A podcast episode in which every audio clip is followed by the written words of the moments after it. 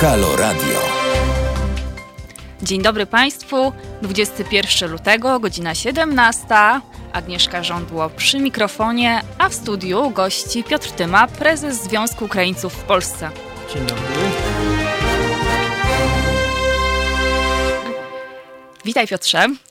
E, dzisiaj będziemy rozmawiać o tym, bo złożyliście do Ministerstwa Kultury i Dziedzictwa Narodowego taki list w sprawie dbałości o e, pomniki i groby ukraińskie, które są niszczone. E, powiedz mi dokładnie, jaka była treść i jakie są oczekiwania waszego związku wobec ministra Glińskiego. Trochę, trochę inaczej było, to znaczy my wydaliśmy oświadczenie po kolejnym zniszczeniu grobu w miejscowości Monasterz, gmina Choryniec-Zdrój. Natomiast pismo skierowały w imieniu e, kilkunastu ludzi ze środowiska kultury, intelektualistów e, Danuta Kuroń i Iza Chruślińska. E, w tym liście podkreślono, że zjawisko, które ma miejsce od kilku lat, to znaczy od 2014 e, roku, czyli niszczenie, profanowanie e, grobów i pomników ukraińskich w Polsce, nie spotkało się ze zdecydowaną reakcją organów państwa. A te kwestie, zarówno groby wojenne, jak i pomniki, podlegają, e, są w kompetencji ministra kultury i dziedzictwa narodowego i Instytutu Pamięci Narodowej. E, jeżeli chodzi o skutek, to na razie nie, nie wiemy, ponieważ odpowiedzi nie ma. Tak jak zazwyczaj w, w tych trudnych kwestiach polsko-ukraińskich, gdy my występujemy albo, albo środowiska obywatelskie, to bardzo często zdarza się, że reakcji nie ma, albo reakcja jest e, stricte pro forma, tak? czyli jakaś zdawkowa odpowiedź, a zjawisko e, jakby nie, nie, nie, nie, e, nie, jest, nie jest zwyczajnym. Doszło do kolejnego przekroczenia jakby pewnych norm ogólnoludzkich, to znaczy zniszczony był grób, w którym byli pochowani e, obywatele polscy narodowości ukraińskiej. Grup ustanowiony w 1998 roku przez Radę Ochrony Pamięci Walki Męczeństwa. Czyli instytucję polską. Tak, jest to instytucja, była to, bo, bo teraz po reformie te kompetencje przeszły, jak już wspomniałem, do Ministerstwa Kultury, ale wcześniej e, Rada, Rada Ochrony Pamięci Walki i Męczeństwa były, była głównym organem państwa, który E, tymi kwestiami się zajmował i akurat w przypadku tego grobu e, po e, kilku latach perypetii formalnych procesów sądowych Rada podjęła decyzję, że po ustaleniach ze, z, z, naszą organizacją, uzgodnieniach dotyczących inskrypcji na, na, na tym grobie, ustanowiony został grób i potem jeszcze jeden na wojskowym cmentarzu ukraińskim, znaczy dwa groby, tylko mi chodzi o kolejne miejsce e, w Przemyślu, e, Pikulicach. Tam jest e, ukraiński cmentarz wojskowy żołnierzy ukraińskich z lat 1918-1921 i oba te groby były w tym okresie profanowane niejednokrotnie.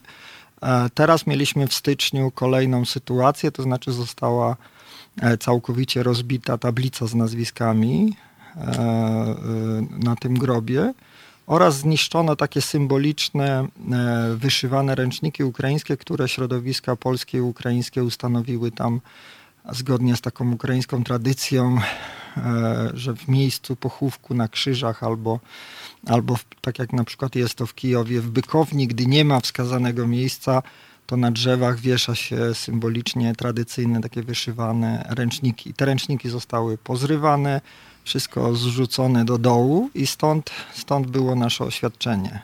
A jakie jest tło tych e, zniszczeń? Czy, I kto jest odpowiedzialny? Czy, czy oni, czy kto tutaj, e, czy są jakieś przypuszczenia? Bo rozumiem, że sprawcy nie są łapani tych, e, tych zniszczeń. Znaczy, mamy trzy kwestie, na które odpowiedź zajęłaby przynajmniej trzy godziny, żeby wyjaśnić wszystkie niuanse. A jeżeli chodzi o tło, no to wiadomo, że e, jednym to są kwestie relacji polsko-ukraińskich historycznych, to znaczy pamięć historyczna, która, która odwołuje się do okresu II wojny światowej, konfliktów, zbrodni, i, i ofiar. I ta pamięć, zwłaszcza obecnie, w, w, gdy realizowana jest taka etnocentryczna e, polityka historyczna, nie tylko Instytutu Pamięci Narodowej, ale także samorządów, także partii politycznych, także organizacji pozarządowych, w tej pamięci historycznej nie ma miejsca na pamięć inną. Natomiast na terenie Polski po II wojnie światowej zamieszkiwało kilkaset tysięcy obywateli polskich narodowości ukraińskiej. Od 1944 miały miejsce konflikty, bardzo często pacyfikacje e, podobne do tych, o których teraz się głośno mówi, to znaczy e, wsi prawosławnych na Podlasiu w wykonaniu oddziałów Burego.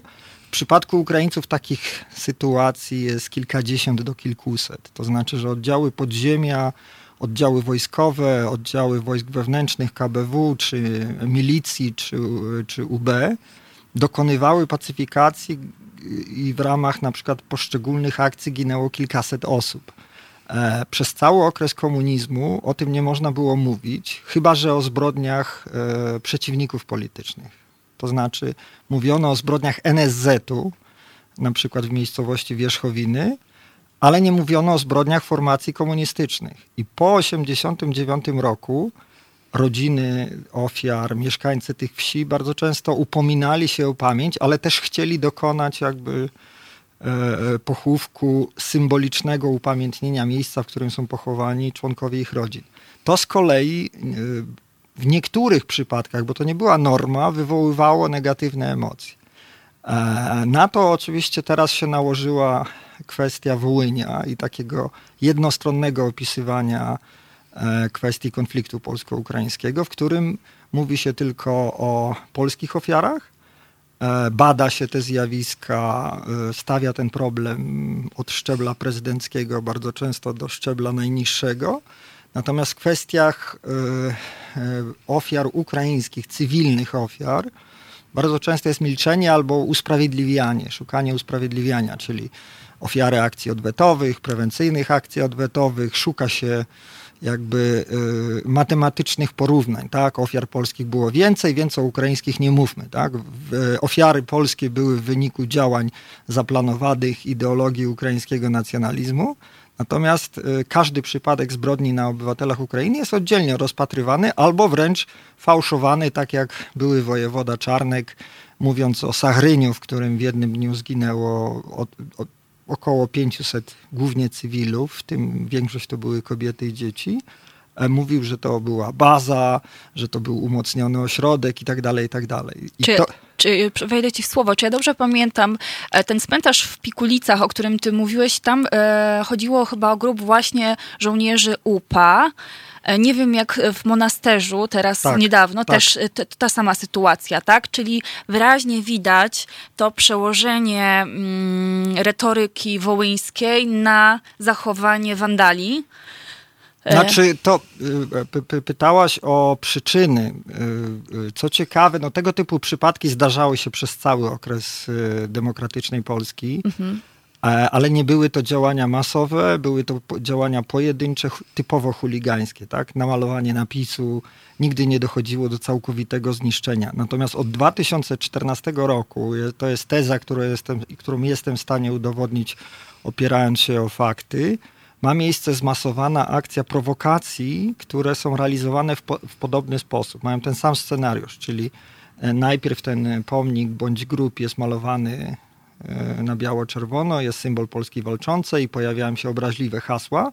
Potem jest e, rozwalany, całość jest nagrywana na wideo, wideo pojawia się w internecie i to powoduje, że temat przestaje być tematem lokalnym, pobocznym, ponieważ większość ludzi nie wie, że te groby, pomniki bardzo często są w lesie, w nieistniejących wsiach, że od lat nikt się w ogóle tym nie interesował. Tak? Wieś Monasterz nie istnieje od 1945 roku. Jedyna, co pozostało po tej wsi, to są kamienie po dawnym, po dawnym monasterzu, e, który, który został w XIX wieku zlikwidowany.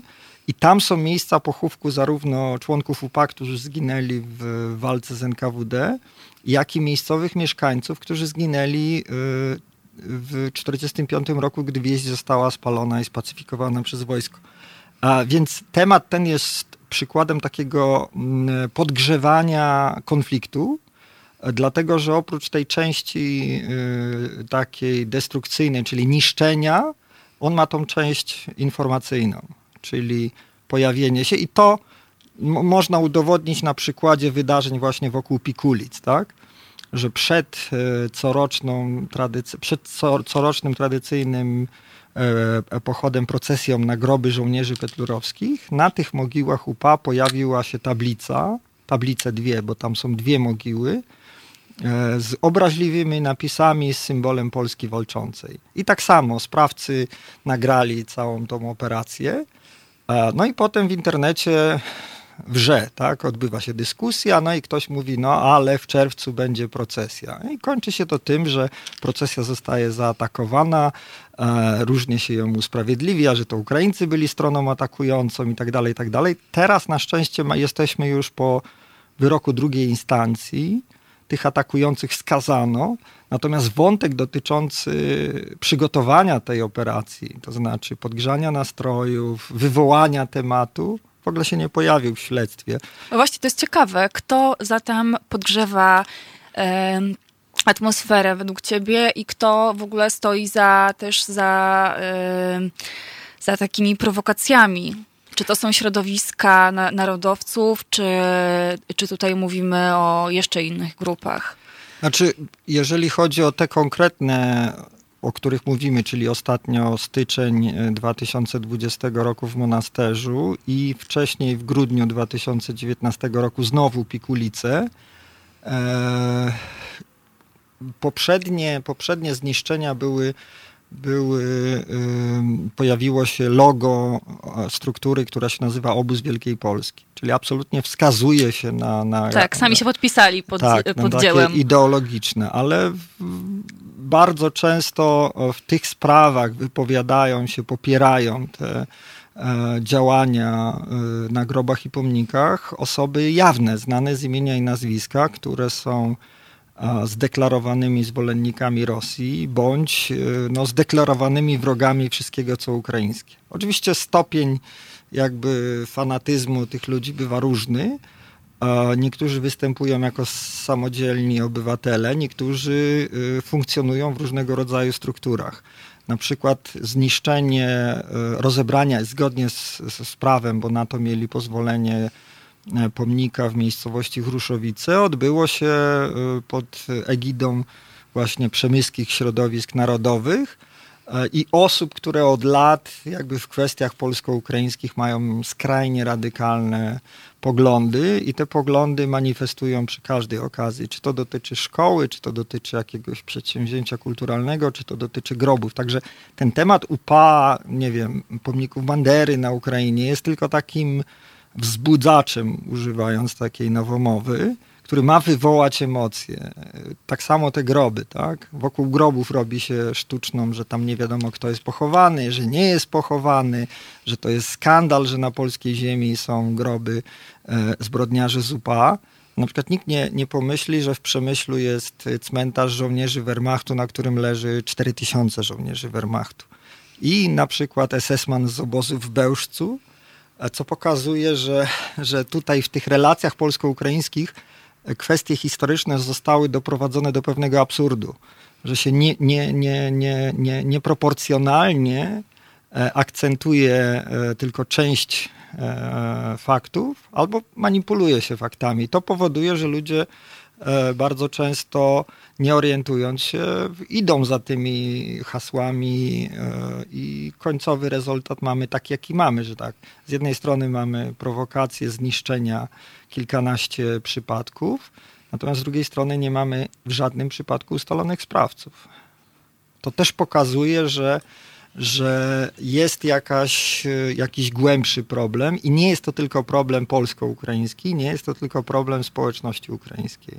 Pozwolisz, że jeszcze przywitam się z naszymi słuchaczami, słuchaczkami, którzy na czacie mówią mi dzień dobry. Dzień dobry Pani Urszulo Zdorczak. Pani Urszula Zdorczak mówi dzień dobry. E, wyżej widziałam Jogiewicz. Dzień dobry Pani Agnieszko. Witam Pana serdecznie. E, I pytali też Państwo, co mi pokazywał Wojtek, e, poprzedni prowadzący, pokazywał, jak udostępnić e, stream na moim prywatnym profilu. E, także tak, żadna tajemnica. Jeśli Państwo zresztą chcą oglądać nas, a na przykład tylko słuchają, to można to zrobić na YouTubie, można poprzez stronę internetową, tam jest taka specjalna zakładka i można z tego co wiem na Facebooku. Także bardzo serdecznie zachęcam. Wtedy będzie widać naszego gościa, Piotra Tymę.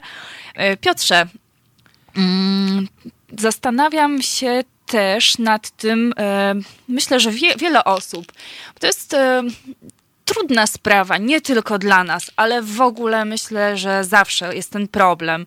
Mamy tak trudną sytuację jak Wołyń i żołnierze UPA, czy wspomniani żołnierze Wehrmachtu, zginęli na naszej ziemi. E, są tutaj ich ciała, czy też no już teraz może bardziej kości.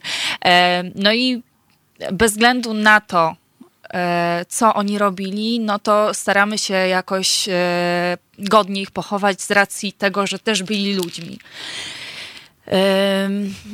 No właśnie, i też zastanawiam się nad tym, czy to, że ktoś niszczy te pomniki e, bierze się z tego, że odbiera z racji tego, że ktoś e, był mordercą, tak? No bo, no bo często żołnierze dokonywali takich, e, takich strasznych zbrodni. Mm, odbieram prawo do człowieczeństwa i godnego pochówku. E, jak, jak ty zapatrujesz się na taką mm, sytuację? Znaczy, analizując sytuację wokół tych pomników i też bardzo często uczestnicząc w dyskusjach na Facebooku, widzę jakby, jak wiele osób operuje takimi kalkami ideologicznymi. Znaczy, z jednej strony jest to taki przekaz PRL-owski, tak czarno-biały, tak, że po jednej stronie jest wina, są ofiary, po drugiej stronie są absolutni zbrodniarze, którzy nie zasługują. I te sytuacje, która, która miała miejsce w, na terenach Polski po 1944 roku, kompletnie się jakby abstrahuje od lokalnych realiów, a jako główny argument używa się tego, co się stało na Wołyniu czy w Galicji Wschodniej, czyli na zupełnie innym obszarze, e, bo specyfika tego obszaru była zupełnie inna, tak? E, I drugie, to nie jest kwestia tylko i wyłącznie żołnierzy UPA, bo równie e, duże emocje wywołuje temat na przykład akcji Wisła, przesiedlenia cywilnej ludności, największej zbrodni komunistycznej w Polsce powojennej, kiedy około 150 tysięcy ludzi pod przymusem na zasadzie odpowiedzialności zbiorowej zostało przesiedlonych na, na tereny Polski północnej i zachodniej. E, próbuje się, mimo tego, że Senat w 90 roku potępił i każdy jakby demokratyczny system potępia używanie zasady odpowiedzialności zbiorowej, natomiast w Polsce e, bardzo często od lewa do prawa, czyli osoby jakoś tam sentymentalnie związane z, z, z PRL-em, usiłują bronić akcji Wisła. E, premier Miller na przykład był, e, usprawiedliwiał akcję Wisła. Prezydent Kwaśniewski potępił, natomiast premier Miller uważał, że ona była słuszna. Ale tak samo ludzie prawicy. Bardzo wielu ludzi prawicy w innych kwestiach, nie wiem, żołnierzy wyklętych, ładu politycznego po 1945 roku w Polsce odsądzają PRL od czci i wiary, ale w kwestii ukraińskiej mówią, ale akcja Wisła była słuszna. Akcja Wisła to nie tylko przesiedlenie ludności, to też pozbawienie mienia, zniszczenie w ogóle lokalnych kultur, e, zniszczenie instytucji kultury, szkół, e, cerkwi grekokatolickiej, to także obóz w Jaworznie, filii KL Auschwitz, w którym przetrzymywano ludzi bez wyroków sądowych, w tym księży grekokatolickich, prawosławnych, kobiety, dzieci, osoby podejrzane, czyli nieskazane, i tam dochodziło do tor torturowania i to wszystko zostało jakby opisane przez historyków. Natomiast w przestrzeni społecznej nadal jest takie zapotrzebowanie na, na jedną prawdę i jedną ofiarę. I to jest podobny schemat jak w relacjach polsko-żydowskich, że jeżeli my rozpoczynamy mówić, na tym terenie ofiar cywilnych było więcej po stronie ludności ukraińskiej. Mamy przypadki, gdzie oddziały AK i BH w przeciągu raptem 3-4 dni mordują 1200 osób, w tym większość są kobiety i dzieci. to do dnia dzisiejszego opór przed przyznaniem tego jest ogromny.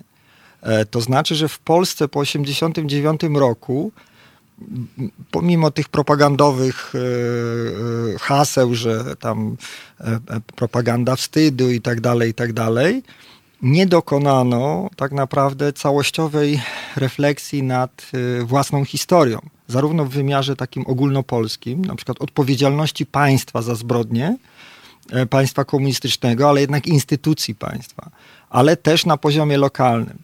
Bo e, bardzo dużo teraz mówi się jakby w kontekście Wołynia, ale też w ogóle kresów, tak? Historia we wszystkich możliwych wariantach, Lwów, e, polska tradycja, obecność, tak, to było.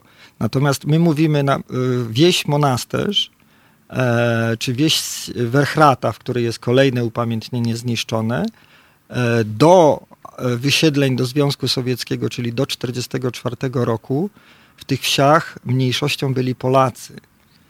Czyli pogranicze były bardzo mocno zróżnicowane, że Lwów był miastem o przewadze polskiej, natomiast w okolicach Przemyśla, Jarosławia bardzo często się zdarzało, że były wsie, gdzie było 10 Polaków, 15 Żydów i reszta to byli Ukraińcy 2000, 3000, 1500. A i tego się nie chce przyznać. Walka z grobami to jest pewien sposób na zaprzeczanie historii terenów i czyszczenie e, terenu z e, pewnych znaków, tak? Bo jednocześnie w tym samym czasie odbywa się zupełnie inny proces, czyli uroczystości e, wokół dat, które są związane z walkami z Ukraińcami, w których biorą udział wszyscy przedstawiciele państwa wojska, Straży Granicznej, Kościoła Rzymskokatolickiego. Stawiane są kolejne tablice, choć te fakty były w okresie PRL-u mocno eksponowane. Tak? Jest taka wieś Wiązownica spalona przez UPA, zdaje się, w 1945 roku. A po wojnie jakby odbył się proces sprawców, tak? Dowódcy, który wydał, wydał mm, rozkaz o spaleniu tej wsi. Sądzono go, on dopiero wyszedł w 1981 roku chyba, jak Solidarność nastała. Więc to nie był temat tabu.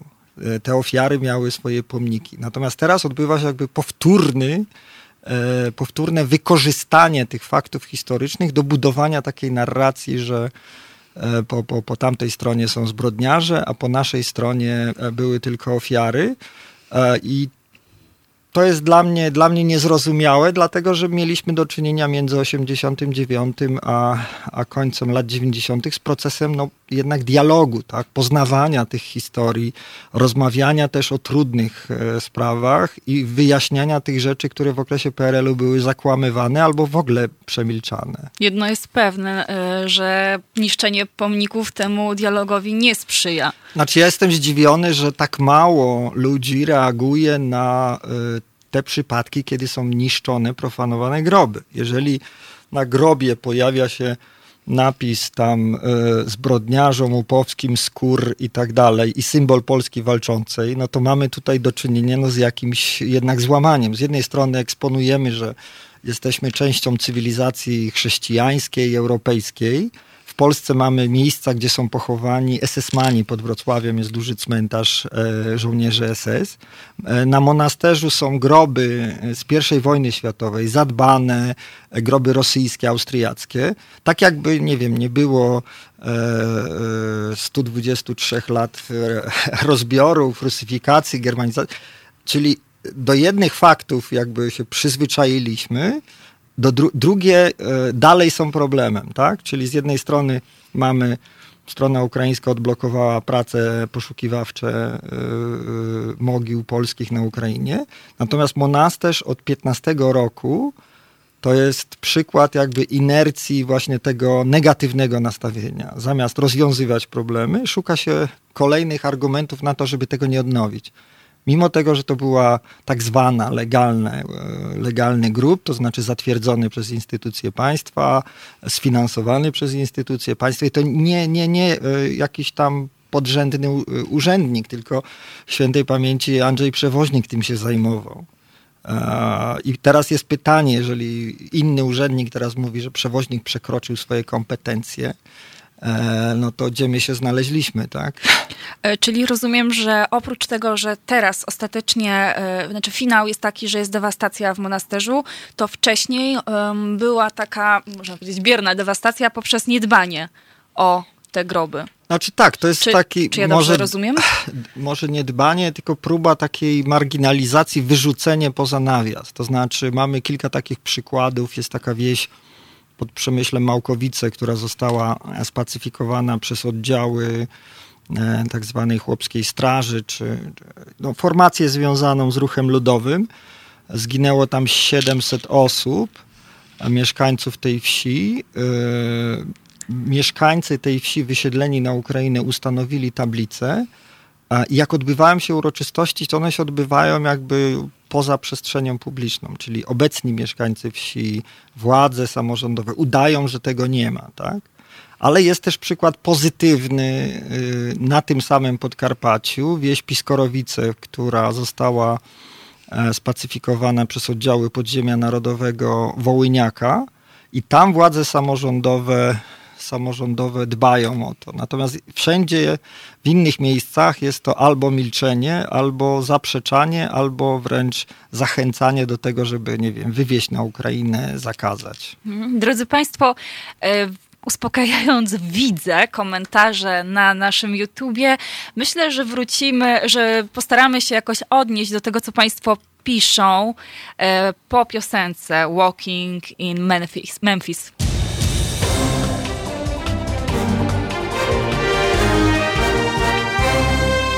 Halo Radio.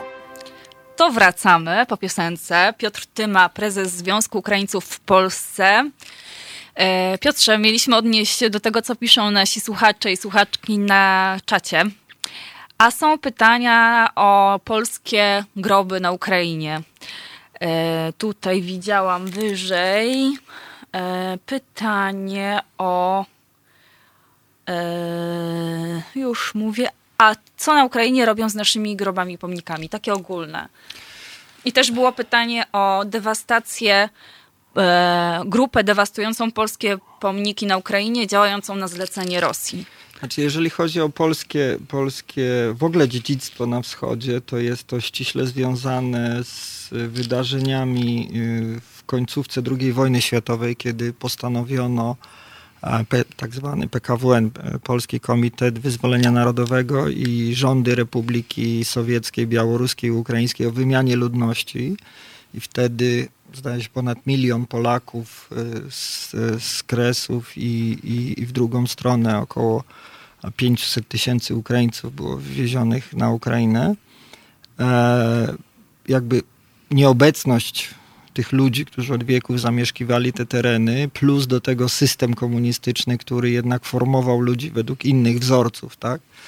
E, powodował, że e, po pierwsze niszczone były świątynie e, rzymskokatolickie na, na, na terenach obecnej Ukrainy i grekokatolickie prawosławne na terenach Polski. I to samo działo się z cmentarzami, z grobami, pomnikami. Drugi proces to oczywiście, jak mamy cmentarze, wiadomo, że jest to ograniczona przestrzeń i nie ma właścicieli, no to zarządcy cmentarza e, dokonują nowych pochówków, bardzo często niszcząc, niszcząc stare. Ja jestem wychowany w dawnym zielonogórskim, e, obecnie to jest województwo lubuskie i wiem, co, się, co robiono z niemieckimi cmentarzami. Mieszkałem bardzo blisko cmentarza niemieckiego, tam do dzisiaj zostało może 10 grobów niemieckich. Więc jest to, jest to kilka elementów składowych i oczywiście też pamięć konfliktu, tak? Bo wbrew temu, co się w Polsce ogólnie sądzi, na tym terenie nie tylko, nie tylko e, Polacy byli ofiarą, ale byli też Ukraińcy. E, drugie, w czasach sowieckich e, te kwestie były też poddawane manipulacjom ideologicznym, czyli bardzo wiele mówiono o zbrodniach ukraińskich, y, pojawiały się pomniki a ofiar, były śledztwa ostatnich członków UPA, chyba zdaje się ostatniego wyrok śmierci wydano już y, w końcówce Związku Sowieckiego w 1989 roku. Czyli ten mit w Polsce, że sprawcy nigdy nie byli ukarani i tak dalej, i tak dalej, to jest nieprawda, ponieważ KGB do końca istnienia Związku Sowieckiego prowadziła śledztwa przeciwko e, członkom ukraińskiego podziemia, w tym e, w sprawach zbrodni na cywilnej ludności Polski. E, natomiast teraz nie ma takich przypadków niszczenia generalnie. Oczywiście zdarzają się takie sytuacje głośne w Polsce, jak wysadzenie pomnika w Hucie Pieniackiej, czy wrzucenie ładunku wybuchowego E, na cmentarz e, Łyczakowski, na tę część, jest cmentarz Orląt. E, są też oczywiście w Polsce, wywołuje ogromne emocje to, że lwy na cmentarzu Orląt są obite dyktą. Tak? To jest po prostu temat, który urasta do rangi międzynarodowej.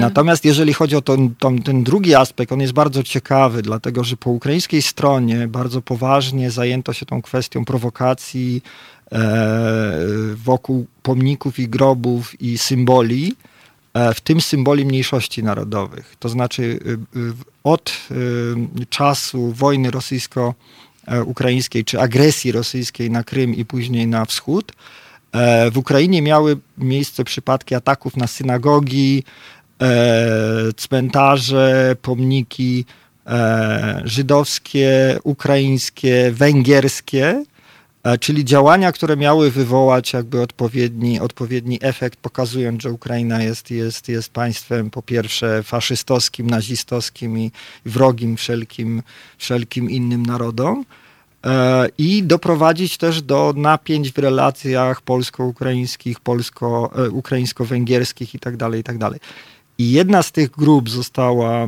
aresztowana i właśnie ta grupa, co ciekawe, E, realizowała prowokacje wobec różnych grup, czyli odpowiadała za, za yy, namalowanie obraźliwych napisów na synagodze gdzieś na północy Ukrainy, e, miała plany wysadzenia węgierskiego pomnika na Zakarpaciu i też była związana z tym zamachem bombowym, kiedy wysadzono w powietrze pomnik ofiar Huty Pieniackiej. E, notabene pomnik został odbudowany przez stronę ukraińską bardzo szybko i, i zdaje się pod koniec lutego odbywają, będą się odbywały tam kolejne uroczystości.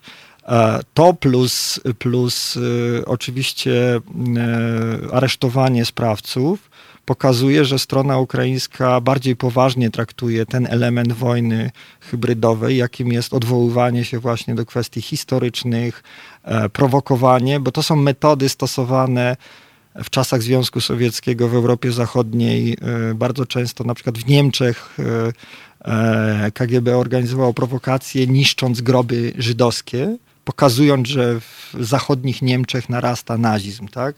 To są stare metody, nic nowego, ale jakby ignorowanie tego po polskiej stronie jest dla mnie zastanawiające, że, że brak e, zdecydowanych działań, brak ustalenia sprawców, choć mamy różnego rodzaju zdarzenia, w których widać, że to nie jest kwestia przypadku, tak? że to jest scenariusz, który jest rozpisany tak jak w Ukrainie. Tak? Żydowskie, węgierskie, e, polskie, natomiast po polskiej stronie oczywiście ukraińskie, ponieważ to jest e, teraz główny, główny teatr działań wojennych, czyli Ukraina, Polska, kraje tak zwane nadbałtyckie. Mhm. No, wiesz, nawet jeśli e, rzeczywiście odbywa się to w formie, e, znaczy w wyniku wojny hybrydowej, e, ale pytanie, dlaczego władza nie reaguje na to? To jest dobre pytanie. Ja myślę, że to jest, to jest taka pułapka, w którą wpadła, wpadły, wpadły obecne władze, które na kwestiach historycznych budowały bardzo często swoje poparcie. Tak?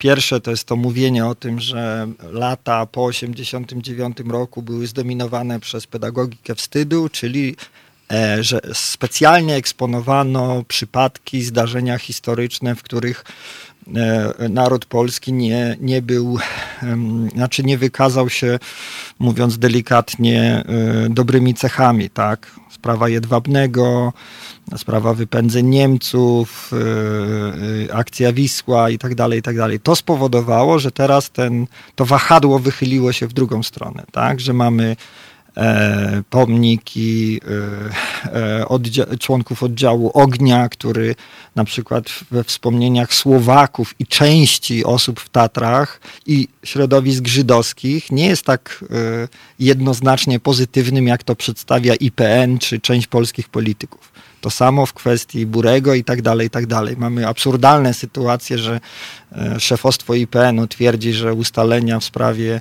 zbrodni na obywatelach Polski e, wyznania prawosławnego na, na Podlasiu e, te ustalenia są nie, jakby nie, nie ma nowych faktów, które by podważały te ustalenia, a oddział IPN w Białymstoku twierdzi, że Bury był e, ludzki pan, bo mógł spalić kilkaset wsi, a spalił tylko trzy, tak? I to jest, co się znalazło w komunikacie IPN-u Białystok, więc to pokazuje, że te kwestie historyczne e, zostały wprzęgnięte w normalny mechanizm walki politycznej. To widać było, ja nie zapomnę debaty prezydenckiej e, w, w trakcie poprzedniej kampanii prezydenckiej, kiedy kiedy kandydat na prezydenta, obecny prezydent Andrzej Duda, wypowiedział się w kwestii jedwabnego, tak? Czyli z jednej strony mamy przedyskutowaną, opisaną, sprawdzaną przez IPN sprawę, a z drugiej strony nadal są środowiska, osoby, politycy, którzy kwestionują te ustalenia. Nie wiem, senator były Żaryn mówił, że no jednak należy dokonać ekshumacji, tak? I to samo jakby, gdy podejdziemy do innych kwestii, dochodzi wręcz do absurdów. Ja śledzę mm, y, strony internetowe, czasami biorę udział w dyskusjach z, z tak zwanymi liderami środowisk kresowych, no to oni w tym rozpędzie doszli już do XVII wieku i do do rzezi w Humaniu. To było w trakcie Konfederacji Barskiej, było takie powstanie e, chłopskie Koliszczyzna, zresztą wywołane trochę przez Rosję. A, no i wtedy doszło do, do, do, do e, rzezi mieszkańców, e, mieszkańców miasta. No i to, to jest jakby teza, która ma służyć e, jako dowód w tym, że, że w, w przypadku Ukraińców mamy do czynienia ze skrajnie zbrodniczymi instynktami. Tak? Czyli nie patrzy się na, na, na historię, że jakbyśmy chcieli, to okres Konfederacji, w ogóle ten okres historii, e, takich przypadków mamy po prostu co niemiara. Mm-hmm. E, mam pytanie, a jeszcze jedna uwaga, dość oczywista, ale zacytuję ją pana, który ma pseudonim racjonalist.pl. Tak się kończy brak edukacji.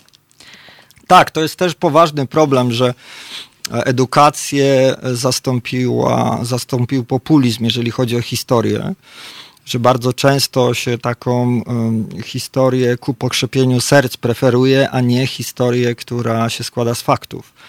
E, I drugie, że większość ludzi, e, no to jest pytanie o, o czytelnictwo książek, tak?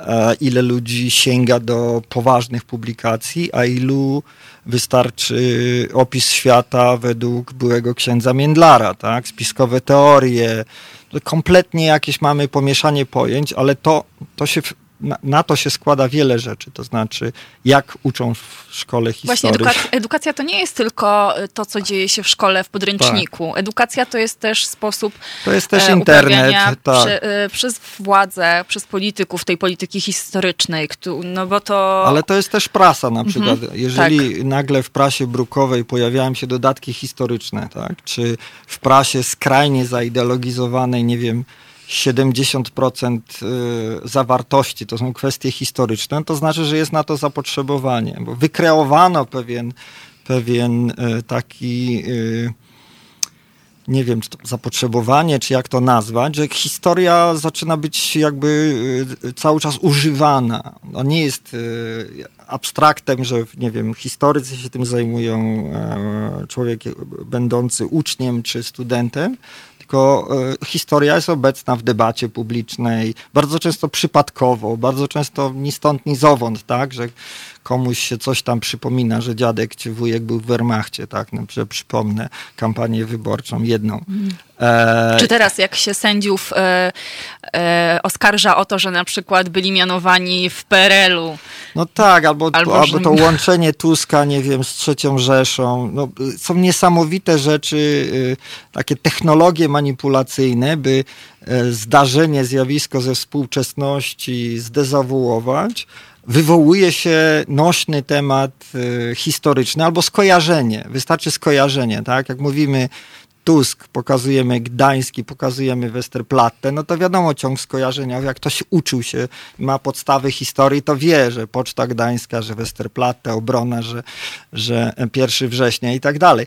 E, I właśnie to jest niebezpieczne, że e, część ludzi w ogóle nie ma pojęcia, o czym mowa, więc reagują na takie hasła. W kwestii polsko-ukraińskiej w każdej dyskusji prawie pojawia się bandera, no ale to nie jest też znikąd. Jeżeli autorytety kresowe mówią, w każdym mieście w Ukrainie stoi pomnik bandery, no to po kilku razach, po, po stwierdzenia takiego, ktoś, kto nie zna kraju, nie był tam, nie, nie, nie, nie, nie, szuka informacji, uwierzy w to. Natomiast w rzeczywistości w Ukrainie stoi 42 pomniki Stefana Bandery. Od jakiejś małej wsi do, nie wiem, Lwowa, chyba Tarnopola i tak dalej, ale głównie na zachodniej Ukrainy. I głównie postawione jakby na tej przestrzeni lat między 91 a 2000 E, chyba 14 był ostatni postawiony.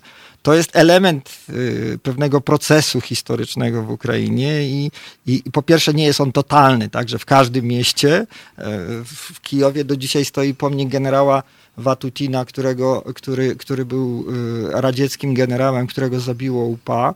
E, w Polsce nie ma już pomnika Świerczewskiego, tak? Czyli to nie jest tak, że w każdym kraju te procesy powrotu do historii, weryfikacji faktów odbywają się w tym samym tempie. A jak ty oceniasz postać e, Stefana Bandery? Znaczy I ja... dlaczego on jest e, do tej pory tak ważny? Dlaczego te pomniki ciągle istnieją? Dlaczego on był ważny dla Ukraińców? Znaczy tu jednej odpowiedzi nie ma. Ja nawet ostatnio e, czytając tekst w tygodniku Polityka zamierzałem napisać polemikę dlatego że w przypadku Bandery e, jest wiele elementów e, e, z jednej strony faktów, faktycznych zdarzeń, które się wiążą z jego osobą, z drugiej strony jest to mitologia, z trzeciej jest to zapotrzebowanie na, na tak zwane zło absolutne. Natomiast tak patrzeć bez, nieemocjonalnie na postać Bandery. Postać Bandery uosabia pewien, pewien, e, pewne doświadczenie historyczne Ukraińców e, z Galicji e, w konkretnym okresie historycznym. To znaczy ojciec Stefana Bandery był zaangażowany w tworzenie państwa ukraińskiego w 18 roku, w Zachodnioukraińskiej Republiki Ludowej. W tym duchu wychował swoje, swoje, swoje dzieci. Tak? Za to był represjonowany przez Polaków. Jego ojciec. E, Bandera e, wyrósł w tym okresie, kiedy e, społeczeństwo ukraińskie, liderzy mocno zastanawiali się, jaka była przyczyna klęski ukraińskiej walki o państwowość. Tak? Szukano różnych rozwiązań. I kiedyś taki historyk ukraiński, jeden z najbardziej znanych i najbardziej cenionych w świecie, Jarosław Hrycak z Lwowa, E, użył takiego dobrego określenia, czy obrazującego jakby problem, że ukraińscy nacjonaliści byli dobry, dobrymi uczniami polskich nacjonalistów. Znaczy te wzorce postaw, nie wiem, walki, konspiracji, e, i to się pojawia bardzo często. Brali e, przykład z polskiej literatury powoływali się na Piłsudskiego, na doświadczenie e, e, PPS, e, bojówek walczących z Taratem i tak dalej, i tak. Z tego wyrósł ukraiński nacjonalizm. Bandera do 30 roku był postacią prawie że nieznaną. Po 34 po zamachu na ministra Pierackiego, w którym, którego on był jednym z współorganizatorów, i procesie warszawskim, on się stał postacią symboliczną, dlatego że w sądzie on odmawiał odpowiadania na zapytania prokuratorów i sędziów po polsku, wygłaszał e, przemówień i dostał karę śmierci, tak? Więc stał się takim symbolem e, e, pewnego zjawiska, które było mocno obecne w dwudziestoleciu międzywojennym w wyobrażeniach na temat Ukraińców, to znaczy skrajnego nacjonalizmu, ponieważ no, państwo polskie, jakby nie patrzeć, radziło sobie przed, przed 39 rokiem. Organizacja była prawie, że całkowicie rozbita, tak, jeżeli chodzi o kierownictwo. Ale Bandera już stał się symbolem tego okresu walki, takiego wroga, który zdecydowanego, fanatycznego i tak dalej. I po 39 roku Bandera wychodzi na wolność i ogłasza w 1941 powstanie państwa ukraińskiego i Niemcy zamykają go w Sachsenhausen i tam przebywa do 1944 roku. Ale w czasach sowieckich wszelkie działania e, narodowe, e, antykomunistyczne było, były nazwane jakby banderowskimi, tak? Mówiono o banderowskim języku. Jak ktoś w, w Ukrainie czy w Związku Sowieckim chciał mówić po ukraińsku, czy mówił po ukraińsku, to był nazywany bandiera. To jest stary rosyjski sposób. W, w osiem, po, po 21 roku wszyscy zwolennicy niepodległości Ukrainy byli nazwani petlurowcami. Tak? Mhm. E, więc ten bandera urósł e, do, do, do takiego symbolu, że w końcu e, władze sowieckie postanowiły go zabić. Tak? Wysłano killera do Niemiec i on go zabił, choć Bandera był wtedy mało ważną postacią jakby na emigracji ukraińskiej. I przez ten zamach jakby wzrosła jego, jego pozycja wśród, wśród y, postaci historycznych ukraińskich, dlatego że całe jego życie było związane z walką o niepodległe państwo ukraińskie. Jego dwaj bracia zginęli w KL Auschwitz. E, niedawno przeczytałem, co byłem szokowany. Jeden z jego braci był absolwentem Politechniki Lwowskiej i był, miał doktorat z filozofii drugi, drugi był inżynierem. Obaj zginęli w KL Auschwitz z rąk polskich kapo, co ciekawe. Mało kto wie, że w Auschwitz Niemcy więzili od 1942 roku niemałą grupę ukraińskich nacjonalistów, czyli kojarzenie OUN tylko i wyłącznie w tym wymiarze z kolaboracją niemiecką. Oczywiście byli ci, co kolaborowali, ale Niemcy też rozstrzeliwali członków OUN od 1941 roku. Więc Bandera stał się takim symbolem e, tej Ukrainy walczącej, Ukrainy, która e, wierzyła w to, że można wywalczyć państwo ukraińskie, będąc pomiędzy dwoma dużymi systemami totalitarnymi, między Sowietami a Niemcami doprowadzając do zjednoczenia ukraińskich, e, ukraińskich sił wokół jednej partii politycznej. To byli odpowiednicy, nie wiem, polskiej endecji, e, różnych nurtów ruchu narodowego od e, liberalnego nacjonalizmu do nacjonalizmu integralnego. Także to nie jest zjawisko obce Europie lat 30. Tak? W każdym kraju E, od Rumunii, Chorwacji, e, nie wiem, Francji, tego typu nurty były, no w Polsce też zresztą, tak?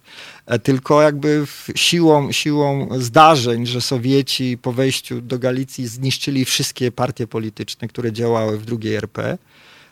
Natomiast członkowie OUN przez to, że oni działali w konspiracji, jakby przetrwali te represje sowieckie. E, I w okresie wojny y, y, to była jedyna e, struktura, która była w stanie prowadzić y, działania przeciwko Niemcom i Sowietom na, w części właśnie tych zachodnich terenów, czyli na Wołyniu, w Galicji, e, częściowo na Bukowinie. Piotrze, napisał do nas maila. Przypominam Państwu, że można do nas pisać na adres terasmałpa.com halo.radio. E, napisał do nas pan Janusz Pobrat. E, tak, e, z wieloma pańskimi wypowiedziami się zgadzam, ale proszę nie porównywać akcji Wisła z okrucieństwami typu rozpruwania brzuchów ciężarnym, rozbijania o ściany noworodków i tym podobnych. Znaczy, Ostry to jest, mail. To jest częsty, częsty argument. Premier Kaczyński kiedyś broniąc akcji Wisła, bo właśnie e, też e, Jarosław Kaczyński stwierdził, że co innego to jest mordowanie, a co innego wysiedlanie ludności. Ja nie porównuję to po pierwsze, bo to jest nie do porównania. Natomiast jeżeli patrzymy na ten okres II wojny światowej, okrucieństwa tego typu, które są bardzo często teraz eksponowane, tak? Bardzo często cynicznie e, ludzi epatuje się opisami okrucieństwa ukraińskiego, natomiast przemilcza się, że nie wiem, na innym terenie, e, jak się zna literaturę ukraińską, dokumenty polskie, sowieckie, niemieckie, takich opisów można znaleźć, gdzie sprawcy są zupełnie inni. Więc tu nie chodzi o żadne porównanie. Każdy, każdy mord jest, jest, jest, powinien być potępiony. Każdy mord, każde zabójstwo cywila e, jest zbrodnią wojenną. E, e, I, I tutaj nie chodzi o porównanie, ja mówię o pewnym procesie, że dla społeczności ukraińskiej akcja Wisła jest najbardziej traumatycznym doświadczeniem, ponieważ zniszczone zostały te społeczności pogranicza. I była to akcja totalna, która objęła całą społeczność. Nie członków podziemia, nie sympatyków podziemia, tylko wszystkich. Więc dlatego mówimy o akcji Wisła. Natomiast jak mówimy o Wołyniu, no to mówimy też w całym, e, w, całe, w całym e, otoczeniu tego, że to się działo w czasie II wojny światowej. Druga wojna światowa to jest ogrom e, ogrom cierpień, ogrom e, zezwierzęcenia ludzkiego i różnych form sadyzmu, które, które się wylały e, w, w, jakby ze strony różnych stron, ze, ze, strony różnych uczestników tego konfliktu. To nie jest tylko, tylko cecha przypisana do jednej. Natomiast ja nie rozumiem tego, jak niektórzy kresowianie mówią, zbrodnie ukraińskie były gorsze od sowieckich i niemieckich. Jak to zmierzyć, tak? Jak się czyta relacje z, z obozów zagłady, czy, czy, czy na przykład, nie wiem, z chorwackiego obozu, obozu Jasenowa, czy jak, jak na przykład wyglądała e, walka e, e, w innych częściach Europy. Jest taka świetna książka Dziki kontynent, gdzie pokazany jest, do czego, się, do, jak, do czego doprowadziła II wojna światowa w różnych częściach Europy. To się wie, że to nie jest, to nie jest coś, co, co zdarzyło się tylko w relacjach polsko-ukraińskich. Piotrze, e, prosiłabym cię o założenie słuchawek, bo mamy telefon, e, mamy kogoś na linii. Dzień dobry. E, pani Olga. Dzień dobry. Dzień dobry. Tak. Ja chciałabym panu Piotrowi zadać pytanie. Tak a propos bo wie pan, ja jestem laikiem, tak? Y, mam, że tak powiem, ograniczoną wiedzę historyczną na ten temat, ale y, przez wiele lat uderzała mnie jedna rzecz y, w różnych przekazach medialnych itd., tak itd., tak że Bandera stricte mordował Polaków. Wie pan, to było takie jakby przesunięcie na wprost, że on jest odpowiedzialny za Wołyń. I chciałabym się właśnie od Pana dowiedzieć, czy, czy to w ogóle ma jakiś e, sens, czy, tak, to, jest, bo, czy to jest prawda. Bo ty no, powiedziałeś, że w 45 roku do e, Sachshausen, do... 45, znaczy to jest właśnie ciekawy, ciekawy, ciekawy znaczy dowód trochę na to, co mówiłem odnośnie tworzenia takiego obrazu absolutnego zła. To znaczy Bandera był działaczem e, nie, nie, nie szeregowym, ale kierownictwa e, OUN w, w, w Galicji, ale w 40, od 1941 roku, od czerwca, był, mówiąc krótko, poza głównym nurtem wydarzeń, to znaczy był przez Niemców aresztowany i wywieziony do obozu Sachsenhausen, tak jak generał Grotrowecki czy jeszcze mhm. kilku polityków różnych narodów. E, można mówić o jego, jego udziale w zabójstwie genera- e, ministra Bronisława Pierackiego, bo on brał udział w przygotowaniu tego zamachu. Natomiast jego odpowiedzialność za to, co się stało na Wołyniu, jest e, pośrednia, tak? jako, jako członka organizacji, która tworzyła formacje zbrojne, które później, ale sytu- znaczy takie... Ale bezpośrednio, przepraszam, że przerwę, bezpośrednio nie jest za to odpowiedzialny. On po prostu był, że tak powiem, w tej wierchuszce, tak? Tak, tak, ale w, ale w tym okresie, no, od 41 roku do 44 do końca wojny y, nie miał wpływu na te wydarzenia, ponieważ był izolowany od, od, od tego, no co tak, się działo. Siedział, tak. Mhm. No, no tylko... właśnie, bo wie pan, przepraszam, mogę jeszcze? Proszę Pani y, Olgo. Bo Yy, mnie to właśnie zawsze zastanawiało, bo ja mówię, no ja nie mam dostępu za bardzo i czasu, żeby się tym, yy, tak, że tak powiem, dogłębnie zająć, ale yy, zawsze mnie to zastanawiało, że mam znajomych z Podkarpacia właśnie. I to, co Pan wcześniej mówił, bo słucham Państwa od początku, i jaka tam jest zajadłość taka nienawiść. między właśnie Polakami a Ukraińcami właśnie na Podkarpaciu. Ja rozumiem, że to no, tam są bardzo, że tak powiem, no, to, co Pan opowiada, to są bardzo ciężkie sytuacje, prawda, i ukraińskie, i polskie, i, i z tymi grobami i tak dalej, ale ja mam znajomych, którzy naprawdę nienawidzą Ukraińców. I znaczy, ja się, bo ja jestem, ja akurat jestem z Częstochowy, także bardzo daleko, ale y, generalnie zawsze mnie to zastanawiało, skąd ta nienawiść między zwykłymi, prostymi ludźmi. Po prostu czyst, ale w czystej, w czystym wydaniu. Y, oni wolą Żyda niż Ukraińca. No nie do końca. W Przemyślu, w Przemyślu są dwa kluby sportowe, Polonia i Czuwaj. I Polonia to jest klub, który działał już przed wojną. Jak sama nazwa wskazuje, był to klub polski. I do dzisiaj w trakcie meczów e, hasło e, kibiców Polonii jest Czuwaj Judę. Choć w Przemyślu może jest dwóch albo trzech E, Żydów, czy osoby, z, z, które się uratowały po wojnie. Więc, więc jest to, jest to jakaś, jakaś, jakaś aberracja, tak? ale to jest dowód na niewiedzę i dowód na to, że część osób niestety musi mieć wroga i ten wróg może być, może być albo polityczny, albo narodowy, albo z powodu koloru skóry, albo inaczej. Na, w przypadku Podkarpacia właśnie ten element element ukraiński zdominował, że na przykład jak ktoś przyjeżdża z Przemyśla do, do, do innego miasta, no to mówią jak z Przemyśla, no to Ukrainiec, tak? Choć, choć Ukraińców w Przemyślu jest e, niewielki procent, tak? No właśnie, ale wie pan, to mnie naprawdę to, mnie to tak strasznie uderzyło, że y, dlaczego akurat, y, nie wiem, na tym kawałku ziemi ci ludzie się tak strasznie nienawidzą. Znaczy przyczyny Skąd są... się to w ogóle bierze? Skąd się to bierze? Ja wiem, że z historii, ja wiem, ale no dobrze, historia historią, ale wszyscy chodziliśmy do szkoły, yy, nie wiem, wielu ludzi yy, skończyło licea, skończyło studia, a gdzieś, yy, wie pan, w tej tkance podskórnej ciągle to gdzieś jest, przekazywane z pokolenia na pokolenie.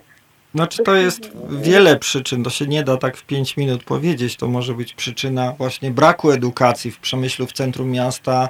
Do niedawna stał pomnik generała Świerczewskiego, a jak pani wie, pod tym pomnikiem pewnie w rocznicę urodzin, śmierci 22 e, lipca i jeszcze któregoś odbywały się uroczystości, gdzie, gdzie głównym wrogiem byli Ukraińcy. W 18 roku Polacy i Ukraińcy walczyli o miasto Przemyśl, tak?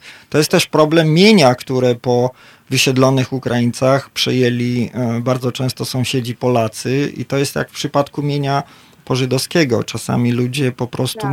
obawiają się, że oni będą musieli zwrócić, że tamci wrócą, że zabiorą, że w ogóle przemysł zostanie przyłączony do Ukrainy i na tym umiejętnie spekulują różni politycy. Konfederacja na przykład w trakcie wyborów eurowyborów, ten wątek, wątek anty, anty, antyżydowski, tak, że przyjdą Żydzi i odbiorą kamienice. A w przypadku Ukraińców też się ten element pojawia na wsi, gdzieś, gdzie, gdzie y, były, byli osiedleni ludzie z centralnej Polski w miejsce, w miejsce gospodarstw y, poukraińskich, to też ten wątek się pojawia. Pani Olgo, niestety musimy kończyć dziękuję naszą pięknie. rozmowę. Bardzo tak. Pani dziękujemy dziękuję za telefon. Pięknie. Dziękuję pięknie, naprawdę dziękuję ślicznie. Dziękuję. dziękuję. E, dobiega e, koniec pierwszej godziny naszej audycji. Za chwilę, e, za chwilę będzie piosenka Sexy Eyes, a po piosence pojawi się w studiu Szymon Jadczak i będziemy rozmawiać o kibolach krakowskich.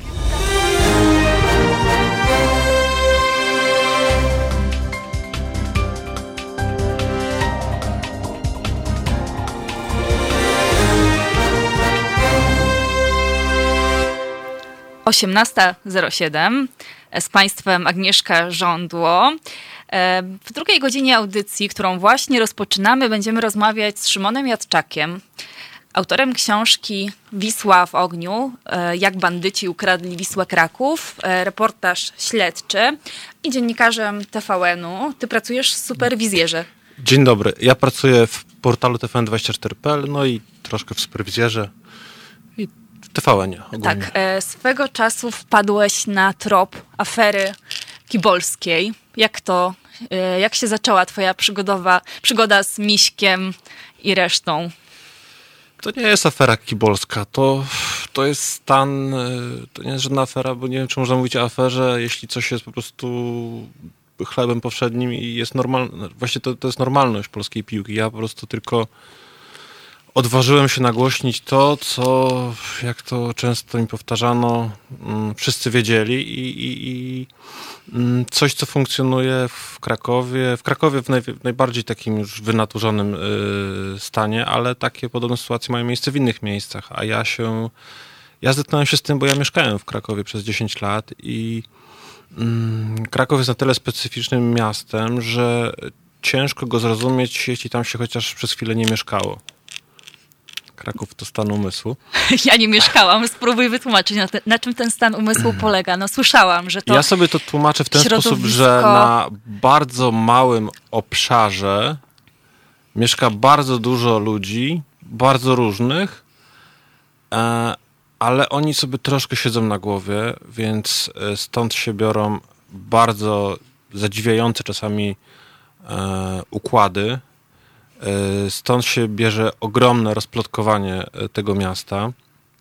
Stąd się biorą też e, te mm, konflikty, te, te, te różne mm, swady, które to tak jak pokazuje w tej książce się prze, prze, prze, potrafią przerodzić po prostu w brutalne morderstwa.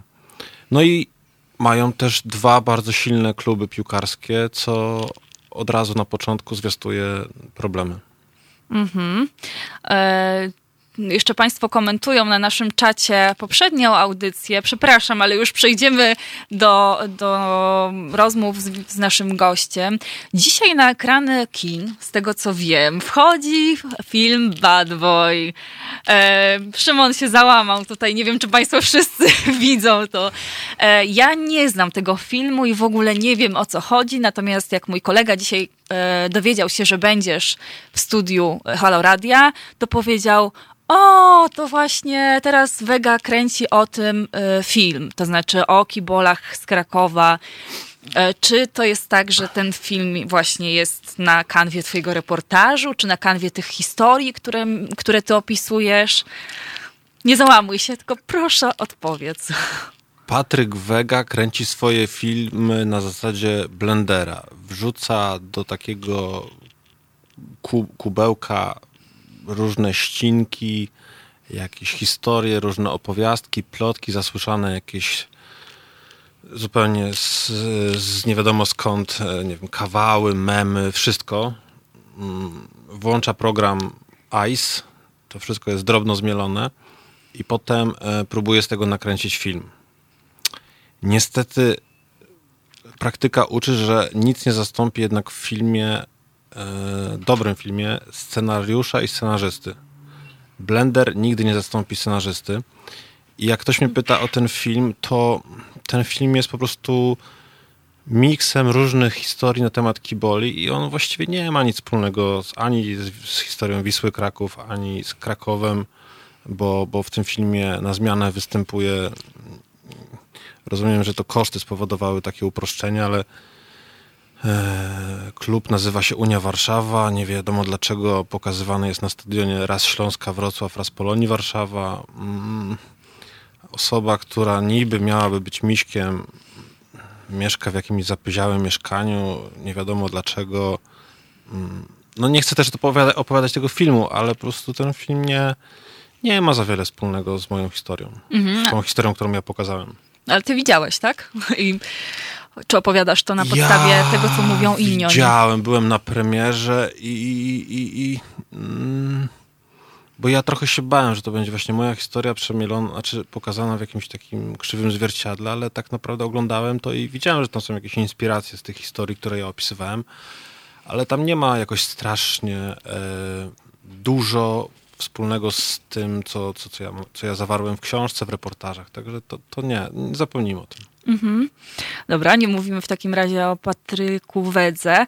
E, pozwolisz, że będę raz na jakiś czas e, wrzucała ci takie komentarze naszych słuchaczy i słuchaczek, którzy na YouTubie komentują. Mhm. I na przykład pan Marcin Nowak mm, pisze tak. Jako kibic Wisły Kraków dziękuję panu za walkę z patologią związaną z tym klubem. Jakbyś się mógł odnieść. No to takie miłe, dziękuję, no takie miłe słowa jakby, no, no, no, no, no, no słyszę, no, mogę nieskromnie powiedzieć, że od już półtora roku, odkąd się ukazał reportaż, to jakby słyszę takie miłe słowa i mm, no fajnie, że mogłem pomóc i, i taki był też mój cel, żeby coś zrobić dobrego, żeby się coś w tym klubie zmieniło, bo ja zanim zostałem wyleczony z kibicowania i w ogóle oglądania polskiej piłki, to kibicowałem, byłem, można powiedzieć, że byłem kibicem Wisły Kraków i kibicowałem Wiśle Kraków, także jakby też moje, można powiedzieć, że byłem tutaj nieobiektywny i zaangażowany emocjonalnie w to, co robiłem. A w którym momencie wyleczyłeś się z kibicowania? No ta praca nad tym reportażem jakby sprawiła troszkę, że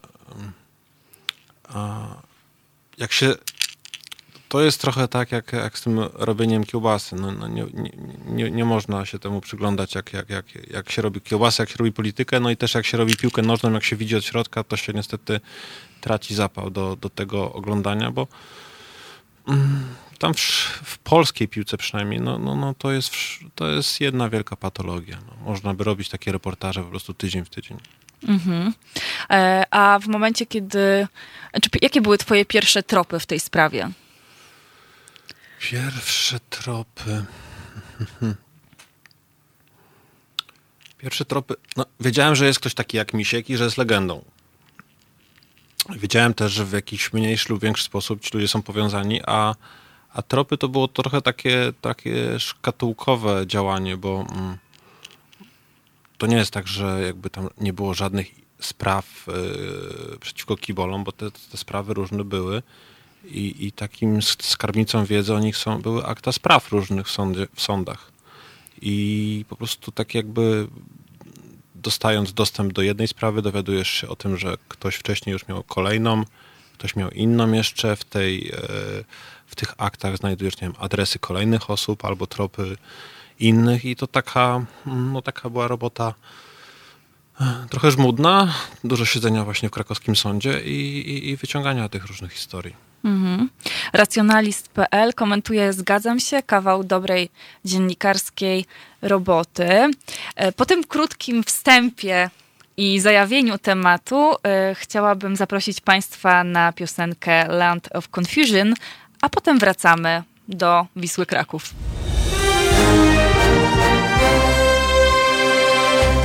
Halo Radio. Gadamy i trochę gramy.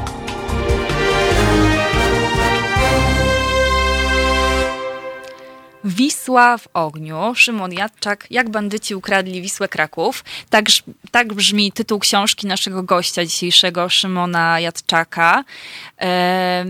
Z Państwem dzisiaj rozmawiamy przy Państwa udziale o kibolach Wisły Kraków.